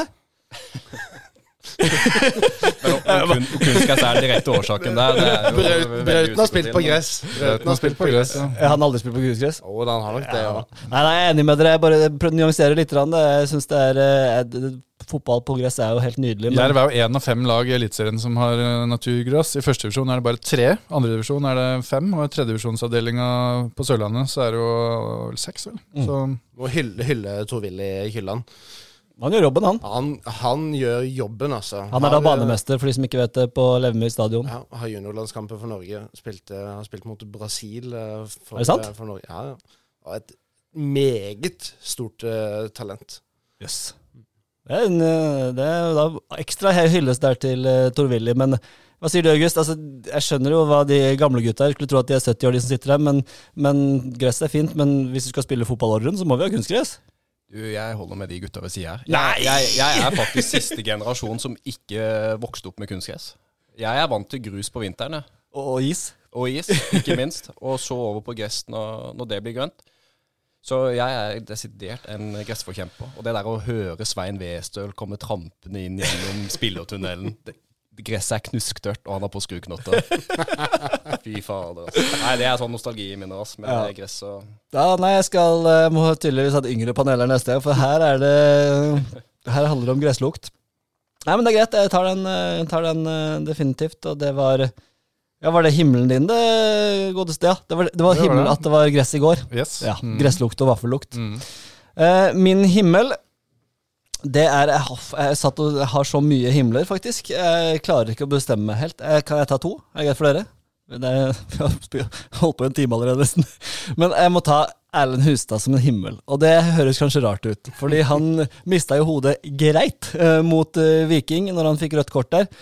Men jeg må faktisk gi Det sto mellom himmel og helvete, men jeg må lande på himmelsida. For den forklaringa han ga til Aiderposten etter kampen, altså det var for meg bare helt himmelsk. For vi, vi spør han, ja, det, Jeg spurte han om ja, det ser ut som du nikker litt mot uh, assistentdommeren der, for han hadde jo en tydelig bevegelse mot assistentdommeren. Eh, og da er svaret altså at ja, men han måtte jo komme så nærme for at han skulle høre han foran 16 000 tilskuere. og det, for meg så er det altså, Den forklaringa er så nydelig, så, så den fortjener han faktisk en himmel for, selv om reaksjonen for øvrig kan vi jo diskutere til det, til det lange og brede. Men det blir spennende å se hvor lang utestengelse han får, da, kanskje når denne poden er ute, at det allerede er kjent. Det, men uh, hva tror du, Ørjan? Tror du, tro, vi kan jo ta det. Tror du det blir noen ekstra kamper på han? Jeg vet ikke. Jeg lurer på om han på en måte er litt heldig for han linjemannen, han, eh, eller assistentdommer, som du nå skal si. Han er jo ikke helt eh, bra, han heller. Altså, Du som er 65 kan si linjedommer. Ta tak i Hustad der. Men han er så svart. Han er så svart i øynene, Hustad, når han går hen mot assistentdommer. Nei, eh, det, det ser jo litt skummelt ut. Så kanskje han får en kamp, eh, en kamp ekstra. Jeg tipper én pluss én, jeg. Hva tror du, August? Ja, det blir nok én pluss én. Ja. Ekstra straff blir det.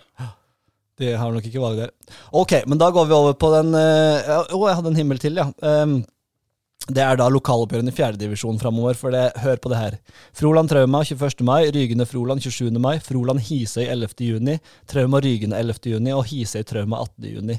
Altså Det er så mye gull i den fjerdedivisjonen framover, så kom dere på kamp! Det blir så mye gøy å se på, så det er min klare anbefaling. å, komme. Jeg kunne også nevnt Atle Rona og Mats Mjåland, som skåret hat trick for Lia. Hatt han på juniorlaget, skåret hat trick for Lia der eh, mot eh, nevnte Strømmeglimt. Så han kunne også fått en himmel, men eh, ja, det får bli sånn. Helvete! Da begynner vi på tvers av bordet her til August. Du har kanskje ikke noe helvete, du, Ørjan? Jeg kjenner Ørjan, han har, har nok noe på lur. Nei, vi skal tilbake til eh, Stavanger og nettopp den nevnte situasjonen. Eh, Det er rett og slett eh, dommer og assistentdommer i den kampen. For det er helt horribel dømming. Først har du situasjon nummer én på det gule kortet Hustad. Det er ikke gult kort. Han fratar ikke en overgang til Viking. Så har du situasjon nummer to, det jeg mener egentlig er helt uforskyldt. Han tar han i en vending og, og får det gule kortet igjen. Og Det som blir litt utslagsgivende her, er jo Nå har Jerv en bortekamp mot Vålerenga. De tilsynelatende er ganske bra. De skulle ha straffespark. Mister poeng. Og så skjer det sammen nå mot Viking. Spiller egentlig en veldig god bortekamp. Ekstremt god. Ekstremt god bortekamp. Og igjen får da bli straffa med en feilaktig avgjørelse. Og det her er jo poeng som kan være livsviktig når vi er i november. Og Vi satte på følelsen første halvtime, men dette vinner Jerv. Ja, og i tillegg med ti mann så har de mulighet til å ha ledelsen 1-0 mann til. Ja. Så det der var helt åpent, men det her kan bli så utslagsgivende når vi er i november i forhold til nedrykk, eller å faktisk holde seg. Men er det ikke sånn da, Sinder, at nyopprykka lag de, de, Det er tøffere å få med seg dommeren? Det er klart. Det opplever man jo som Sogndal-supporter òg. At eh, man får ikke noe hjelp. Det var vel eh, Sist Sogndal var oppe, så gikk vel Sogndal uten å få et eneste straffespark eh, gjennom en hel sesong. Eh, det er jo ganske oppsiktsvekkende. Definitivt. Så det, nei, men den er, jeg synes, eh, ja, jeg skal prøve å være objektiv, men eh, det er klart at ekspertene er ganske samstemte om at dette andre gule kortet var veldig strengt. da. Eh, Sindre, hva skjer i helvete? Ja, jeg, ja, det skal jeg si. jeg får balansere litt her, da. For Ja. min helvete er rett og slett uh, disiplinen til uh, våre to uh, beste lokale lag. Som har nå to røde kort hver så langt i sesongen. Begynner å nærme seg Leeds, som nå um, det akkurat ble tidenes mest udisiplinerte Premier League-lag med over 100 gule kort i løpet av en sesong. Det er klart de må skjerpe seg litt, eh, både med kjeftbruk og selv om det var strengt med Hustad sist. Så mm, ja, det, her må trenerne ta tak, rett og slett. Ja, Munnbruk, den er seig. Det skal ikke Ja, skje. sånn, ja, Tord Salte, da, som blir for direkte rødt for munnbruk, det, det er unødvendig. Jeg håper jo at det er litt internjustis der, at han får noen bøter. Jeg, jeg, sånn jeg kjenner Preben Skeie og de der som er Bo, Olav Hofstad, de som er bordsjefer og sånn, tror jeg de Jeg tror ikke han slipper billig unna der. Gnir seg i hendene nå, de. Det Det blir her blir tidenes botur. Ørjan, er strengt å bli sendt til helvete for det røde kortet til Fernandes der, da. Han er jo bare i himmelrus. ja, han, var, han var lykkelig. Ja, Det var litt av en situasjon. ja, det er to strenge røde kort Jerv har fått, da, men eh, Ørjan, din uh, the dark side, jeg vet ikke om jeg tør å spørre engang, liksom. Er det innafor for deg å dele ut en helvete eller eh, får du biskopen på nakken? Dette kommende, kommende søndag er jo biskopoppgjøret. Ikke sant? Eh, Biskopen er jo biskop for Agder og Telemark, og da er det jo altså Jerv mot eh, Odd. Ja. Så det er um, Oi, oi, oi. Ja. Selveste Men jeg ikke-. Men jeg skal ikke sende han til Skal vi kalle det, det? vi, vi kaller det på Agderposten, da, siden vi kan skrive som det store bispeoppgjøret. Det, Ja, tror det var det, tror jeg, tror jeg selger godt. Bis, Bispedarby. Ja. Nei, jeg har, jeg har en helvete som ikke er Det er jo ikke så Men altså, for mange år siden så hadde Jerv en spiss som het Igor Salai. Og han var jo et lite helvete for forsvarsspillere i, eh, i eh, omegn her. I, Oi, oi, oi, oi, oi, nå må jeg bare stoppe deg der. Du skal få fortsette. Nå fikk jeg melding fra Reidar Berg. Det ble tre kamper på Hustad. Tre. Det er for mye. Er ikke det mye? Den er drøy, altså. Ja, det er for mye. Men jeg husker om det er tre pluss én eller én pluss to. Jeg tipper det er én pluss to, da. Tre totalt. Tipper det er tre totalt. Da blir det jo litt spennende å se hva som skjer med linjemannen nå, da. Som å, Ja, han bør få nedrykk. Som gjør et lite grep. Ja, absolutt. Nei, sorry, men eh, det var, måtte vi bare ta med her, for det kom, eh, kom direkte inn her nå i podstudio. Igor Salai, spiss på Jerv på tidlig 2000-tall. Var et helvete for forspillere. Har nå blitt tannlege. Og skal starte tannlegesenter på nye Odden-senter i, i Grimstad. Og tannlegen, det er et helvete, det! altså, hva er det for noe? 1100 kroner for å få liksom voksenkjeft og bli, bli pilt litt i tenna av en lege. Det er hvis du er heldig. Ja. Og hvis du liksom er litt uheldig, ja, så er det liksom Kom tilbake, og så er det 12 000 neste, neste tirsdag.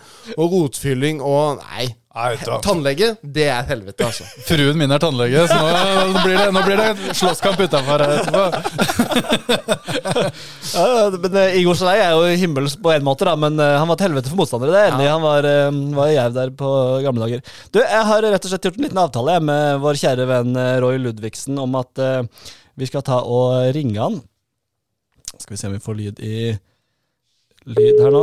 Her er Loy Ludvigsen. Jeg skal spørre om han har et, eh, noe til oss. Jeg tipper, jeg tipper det blir Arendal Fotball og Ekspress. Hallo, ja. Ja, God dag, Roy. Du er på vei til salgsreise, skjønner jeg. Men eh, vi sitter her i podstudio med tre glimrende menn, og så sitter vi på himmel og helvete og er ferdig der. Og så tenkte jeg da må vi ringe Roy. Hva har du Ja. på hjertet i dag, Roy? Er det noe helvete? Nei, eh, helvete var jo litt grann, eh, som jeg kunne ha tenkt meg. Og, og eh, jeg syns jo vi hadde et uh, stort uh, cupoppgjør uh, med Ekspress mot Jerv. Og så syns jeg jo det er et lite helvete at Agderposten ikke har sagt et uh, sløyva ord om det i sin i, i papirutgaven og ikke på nett heller. Så for meg er det et lite helvete. Det går rett og slett rett, det går rett til meg, den, rett og slett. Nei, du, ikke du. du det, er vel flere, det er vel flere journalister i Agderposten. Regner jeg med. Det er jo ikke bare du som, eh, Ja, men som, jeg, eh, jeg tar den.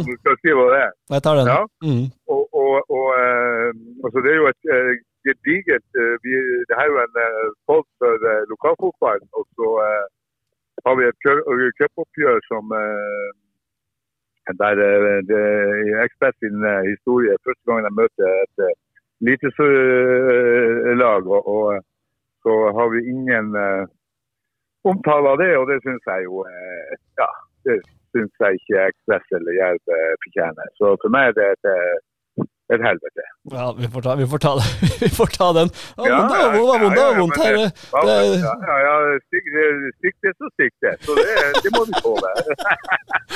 er strålende. Jeg sitter jo her med kjenninger av deg. Ørjan Kronheim og August Gundersen sitter jo her, blant annet. Og vi har jo kost oss med over en time her allerede. Augusto, Augusto, ja, Augusto er på plass, vet du. Ja, ja. Ja, ja, ja. Men, eh, du, Nei, men det er hyggelig. Ja. Vi, vi snakker litt om Ekspress her, Roy. Eh, det går ikke så bra om dagen. Men så kommer jo Augusto her, da, som du kaller han, med et godt poeng. Du har jo vært i en Ja. lignende situasjon. Fortell, August. Nei, vi mimra Ja, litt sånn i forkant av, av podkasten, Roy, og da var vi jo innom eh, Ja. din sesong i 2007 i Jerv. Da gikk vi jo opp Ja. på Ja. syv strake. Og så hadde du en Ekspress-sesong Og så hadde vi òg første sesong i fem, 2015 med Ekspress. Da hadde vi òg fem eller seks tap på rad. Så det som er litt, Ja, er I tredjedivisjon, i ja. tredje divisjon. Ja. Så det som er litt, er litt interessant da, fra et trenerståsted sånn, I Jerv fikk du ikke fortsette, men i Ekspress fikk du fortsette. Hva gjør man ja. for å endre Nei, det sporet man er i nå? da? eh, eh, nei, altså jeg snakker jo litt uh, SMS-er litt med Magne, og jeg forstår jo at Heia er kanskje på tur uh, tilbake. Mathias Sondal kanskje tilbake. Men, men det som er, i faren eh, for det å hente inn nye spillere eh, som eh, eh, så må det jo ikke være eh, altså det, det er jo eh, SOS, det er jo nødhjelp. ikke sant? De må jo Mm. tenke langsiktig. Men det som var eh, clouet når vi snudde eh, og havna jo på sjette, tjuende, for da var det vel også eh, eh, Ja, vi havna vel på sjette, tjuende plass, der vi i tredjedivisjon hadde fem eller seks eh, tap eh, på rattet. Mm. Det er jo å ha troa og så, og så eh, eh, jobbe hardt. Eh, men samtidig så må man være endringsvillig. Og jeg syns jo kanskje Ekspress per dags dato kanskje ikke har vært så endringsvillig. At man må se på, på, på eh, strukturen i laget. Man må, som jeg alltid har sagt, at man må være defensivt trygg for å bli offensivt god. Og det snakka jo jeg og Arne om og Sanse om. Og, og, og der var vi begge enige. Altså, du må jo ha ballen for å kunne skape noe offensivt. Og, og da må man være defensivt trygg. Og det var jo det vi gjorde siste gang vi var i, eh, i den knipa der. Ja, da klarte vi og, og, det. eh, ja, da gangen. klarte vi å snu det, og vi havna jo på femte eller Var, var Augusto god da, eller, eh, Roy? Ja, Augusto var jo eh, Han hadde jo ikke så mye strekk da. Det kom året etter, det. ja, det kom over etter. Og da var han jo fit. Uh, han er jo mer fit nå enn han var da. Men ok, han bidrar jo. Ja, det er strålende, Roy. Nei, vi, jeg tror vi må Ja. eh, sette en strek så det ikke blir altfor langt her. Men uh, du er på vei Ja. for å tjene penger, skjønner jeg? Ja, ja, jeg må det. Eh, Jeg må jobbe litt òg. Ja. Du får komme tilbake Så, neste gang. Ja, ja, ja, vi er tilbake. Og du har jo fått gode, gode vikarer, så det er perfekt. Ja, ja, det er nydelig. Nei, men Du får ha god tur, og lykke til med alt av Ja, salg ja. og det som er. Snakkes. Ja, så snakkes vi. Ja, Ja, ha det. ha det. Ha det. Ja, den fikk jeg rett i fanget der. Angrer på at jeg ringte han.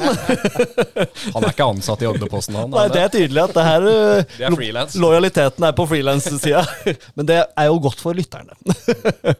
Ja, nei, vi, vi kan ta litt selvkritikk på det. i Agderposten. Vi bygde kanskje ikke godt nok opp til den eh, kampen. Det er mye som skjer, så, men eh, den tar vi definitivt med, og vi får, eh, vi får ta det på redaksjonsmøte. Yes, har vi vært gjennom helvete? Jeg har ikke vært gjennom helvete, her. Nei, jeg tror ikke Du må har ta din helvete, i hvert fall. ja, jeg må ta min. Og nå har vi Det ble litt vanskelig her, for nå har vi vært gjennom mye av det. Eh, Så, så jeg tror jeg skal eh, la det være med Mats Andås. Det var det som på en måte sto som min helvete, og det er både kjipt for han og for Ekspress. på en måte Både røde kort og skade og alt. Det var liksom, som du sa, Jan, det var alt på en gang for Mats Andås, som jeg syns er en utrolig god fotballspiller. Jeg har alltid hatt sansen for han, syns det er gøy å se på han spille. Deilig energi i spillet sitt, eh, og som du sier, veldig viktig for Ekspress. Eh, Jeg syns det var ordentlig kjipt for, eh, for han som, som jeg ja, anser som en veldig viktig spiller for Ekspress. Så det blir min helvete, Mats. Jeg håper du kommer deg raskt på beina. Nå går vi snart inn for landing her, men vi må ta et par ting til. Fordi jeg tenkte før liksom, apropos Agderposten, før, eh, før vi gikk på her, så tenkte jeg skulle høre litt med dere hva dere trodde var best lest av sport i Agderposten. Eh, Og det er kanskje litt interessant for lytterne å høre også. Så jeg har rett og slett lagd meg en liste over de best leste sportssakene i 2022. Og så tenkte jeg skulle ta en liten sånn quiz på dere. Hva, hva tror dere selger best i, i Agderposten av uh, sport? Dere kan jo ta stikkordsform, da. Dere trenger ikke ta konkrete saker, men uh, hva tror dere? Hva tror du, August? Jeg tipper lokalfotball. Hvis det Blir det for bredt, kanskje? eller? Nei, det er ikke for bredt, men det er faktisk ikke, de er ikke på topp. Det selger veldig godt, men ikke, det er ikke på topp. Ørjan? Hva er glassheis? Penger? Glassheis? Er du på sport, da? Ja. Bare sport? Ja, bare sporten. Ja, det angrer jeg. Nei, Da, da Nei, det må jo være Arendal fotball. det er én sak som jeg har lest 75 000 ganger. Oi. Og som er veldig aktuell her for oss i poden. Det er derfor jeg nevner det. Ja, er det nedleggelse av juniorlaget, eller? Nei. Det er rett og slett silly season. Silly season-saken. Og det var liksom bare sånn et lite oppspark til, eh, til her også, fordi vi, vi nærmer oss jo en sommer og sånn også. Eh, og tenkte jeg skulle høre med dere. Hva tror dere tror dere skjer noe Hvilke lag tror dere kommer til å bemerke seg på overgangsmarkedet når vi kommer til sommeren? nå? Tror dere det er noen som kommer til å liksom bite fra seg der? Det er fritt fram. Ordet er fritt. Det blir jo spennende å se på, på Jerv. Og det blir jo spennende å se neste kamp også nå, når Hustad er ute. Det er, det er jo liksom vondt å hakke på en eh, spiss som akkurat har fått rødt kort. Men Og det tre er kamper. Og tre kamper. Men det er jo eh, ja, interessant å se hvorfor Sandstø er på en måte så bestemt på at han må spille. En spiss som ikke skårer mål eller skaper så fryktelig mye, men sannsynligvis er viktig i link-up-spillet. da. Um, men eh, jeg, De har ikke noen alternativ. Altså, når- når han er ute nå, hvem skal spille på topp i august?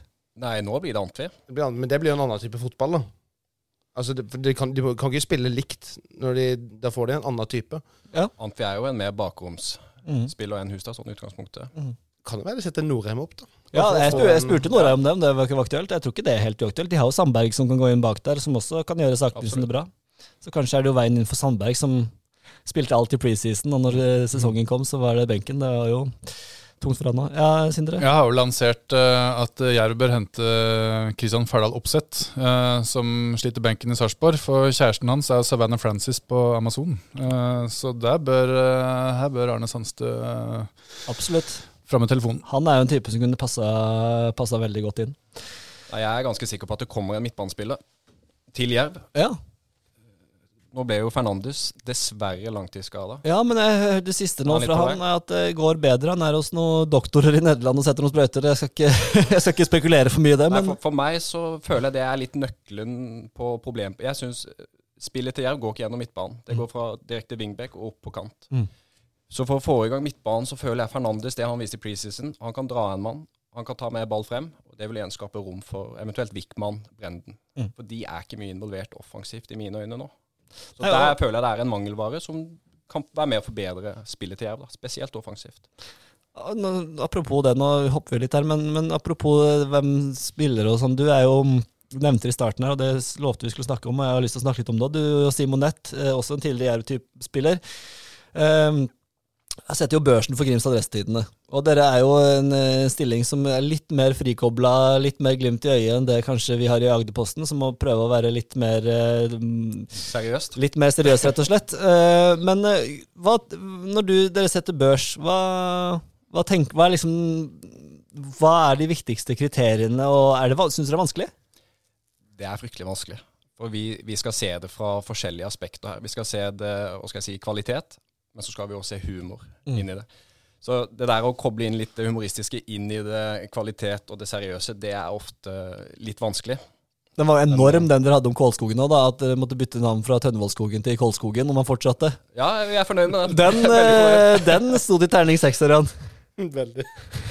Jeg håper jo det kan være med å sette i gang en større debatt rundt den saken. da. Ja. Vi får se. Folk er litt hårsåre der borte i Grimstad, vet du. Ja. ja, det er noe med det. Eh, men, det jo- men dette med børs eh, det, Du er jo en eh, leser og lytter og alt, Ørjan. Eh, Følger du mye med på børs? Ja, jeg sender jo kritikk i din retning stort sett hver gang du har skrevet noe. Så det er, det er veldig gøy. Det er jo det er gøy å ha noe som man kan, et utgangspunkt man kan diskutere ut ifra. Ja. Så det er, det er kjempegøy, altså. Og Hva er, er det liksom det første man går løs på når man har sett en kamp, og rett og slett går inn og sjekke børsen, eller hva, hvordan er det? Ja, jeg syns det. Ja. Jeg synes det er veldig gøy. Måle på en måte mitt inntrykk opp mot, eh, ja, opp mot dere gutter. Ja. Nei, Jeg går alltid og sjekker August og ser om vi er langt, inne, langt unna hverandre. Og vi, ofte, så er, ofte så er vi ganske langt unna hverandre. Ja, det, og det, men det er det som er nydelig, da, Sindre, med børs og med, og med fotball. er at vi- ser samme kamp, og så plutselig altså De mente at uh, Var det Sim Siren-kamp der som dere ga sju, og jeg ga en fire? Altså, det, det er så utrolig Det er subjektivt. subjektivt, og det er veldig vanskelig å sette børs, og veldig stor kreditt eh, og ære til dere som tør å gjøre det. Nei, det er, eh, dere bruker litt lang tid, da, August, syns jeg innimellom, men Vi må jo tenke historier og, og humor og hele pakka. så Ordspill og alt. er Ordspill og hele pakka. Ja, det er det, sant. det er ikke bare bare. Altså. Men, det men det er, jeg, jeg tror vi har truffet en del med det. Vi har i hvert fall fått masse Jeg elsker den. fra- Jeg syns den er fantastisk. Fikk melding fra Iman Mafi her for noen uker siden, og han sa at vi spillerne syns det er kjempegøy. Så det er jo bra. Ukens høydere. Så nå rekker alle opp hendene. Nå er det mange som har noe på hjertet her. Det er jo så gøy. men eh, Jeg tenkte vi skulle gå på ukens høydere, men før det, dere, dere rakk opp hånda akkurat dere satte på jinglen. Men eh, dere skal få si deres. Vi kan begynne. Ørjan, hadde du noe Ja, bare apropos sildekisten. Ja. Altså, min drøm for sommeren er at vi får en ny sånn livesending med Trauma. Eh, Det er liksom Det, var Den, drøm- best, den best, mest sette livesendinga i Agderposten Sportens historie. Ali Hosseini til Trauma. Det er helt magisk. Og det er ikke kødd! Nei, det er helt magisk. Altså Intility, brann mot Jerv, kan bare gå og legge seg. Ali Hosseini, det vil folk ha. Persis, persiske hingsten. Ja, persiske Å, det var helt Nei, nydelig. nydelig. Eh, Du hadde også en finger oppe, hvis det er lov å si. Det er ikke lov å si, men eh, Jeg bare vil ikke slippe cupen helt, da, for det er på mandag så, trekt, så, så er oppsettet for andre runde klart. Ja. Og jeg, der får jo virkelig se om NFF eh, kjenner sin besøkelsestid og setter opp de riktige oppgjørene. Har du sett på noen aktuelle, eller? Ja, altså Det er jo fire sørlandslag igjen, da, så det er veldig naturlig at de spiller jo mot hverandre. Sjøl om tidligere har vi sett at eh, både Arendal og, og Start og Jerv eh, og Fløy sendes eh, ut av fylket. Men nå er det jo Arendal eh, og Jerv og Start og Fløy igjen, så det er jo naturlig at vi får et Åh.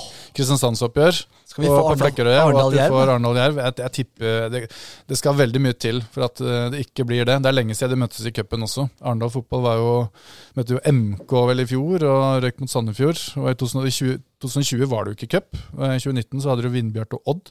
Mens Jerv hadde hatt Fløy og Sandefjord og ja. Så eh, Jerv Arendal har ikke vært i cupen på noen år, så det, nå, oh. nå tror jeg det er duka for cupfest. Jeg lover da skal vi bygge opp, ass.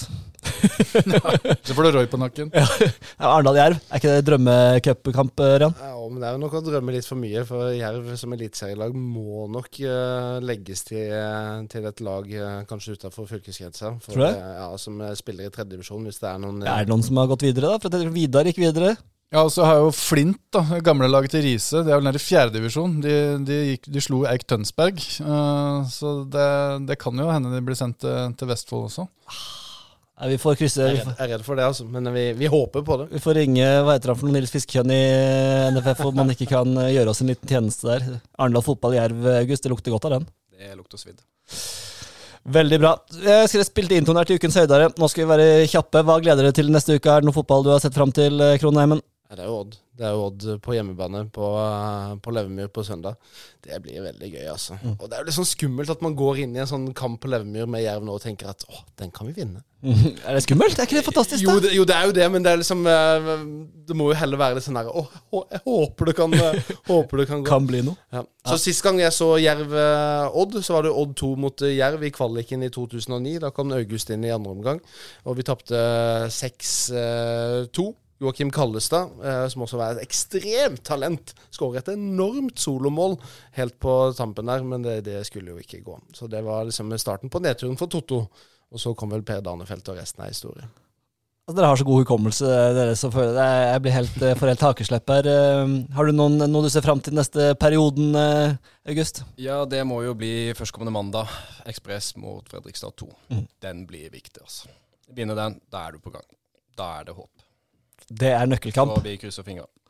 Veldig bra. Sindre? Apropos, som vi snakka om, maktkamp Har du noe mer å Høyre. om, eller? Ja, ja, det er jo, det er jo trekk, det er oppsett på mandag, da. Men uh, apropos eh, maktkamp i Høyre og Øygarden, så er det jo Arendal-Øygarden på søndag. Ja. Alexander Dang kommer jo tilbake til, til, til fylket. Til Han er- Sørlandet. Til Sørlandet. Ja. Så det blir spennende. Ellers så vil jeg bare si da at det, er- blir gøy med, med Odd. Eh, Jeg er litt usikker på om jeg skal ta turen til Levermyr, for jeg er jo, jeg er jo litt sånn ivrig groundhopper, da, jeg registrerer alle banebesøk.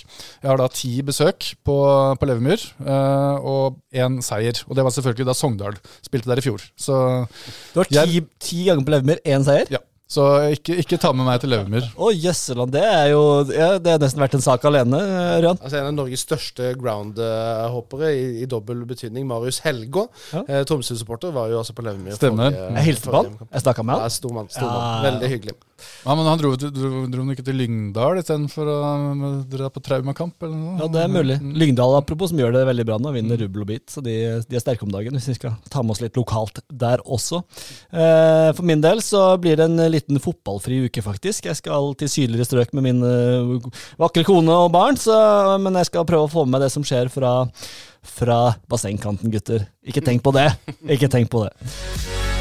Yes, Da tror jeg vi sier at eh, det var det for i dag. Vi har holdt på i nesten halvannen time, og det har vært eh, fantastisk gøy å ha dere med. Eh, vi har gått gjennom mye, men sikkert ikke alt. Var det greit å være med, Kronheim, eh, som Roy-vikar? Veldig hyggelig. Jeg blir med igjen senere! August Gundersen, lykke til på mandag, og veldig hyggelig at du kom. Sindre Haugen Mehl, kos deg i bystyre, kommunestyre, fylkesstyret, fylkesting, statsforvalter og det som er. Du blir med også senere, du, på det her. Gjerne det. Fantastisk. Tusen takk for i dag, og på gjenhør neste gang.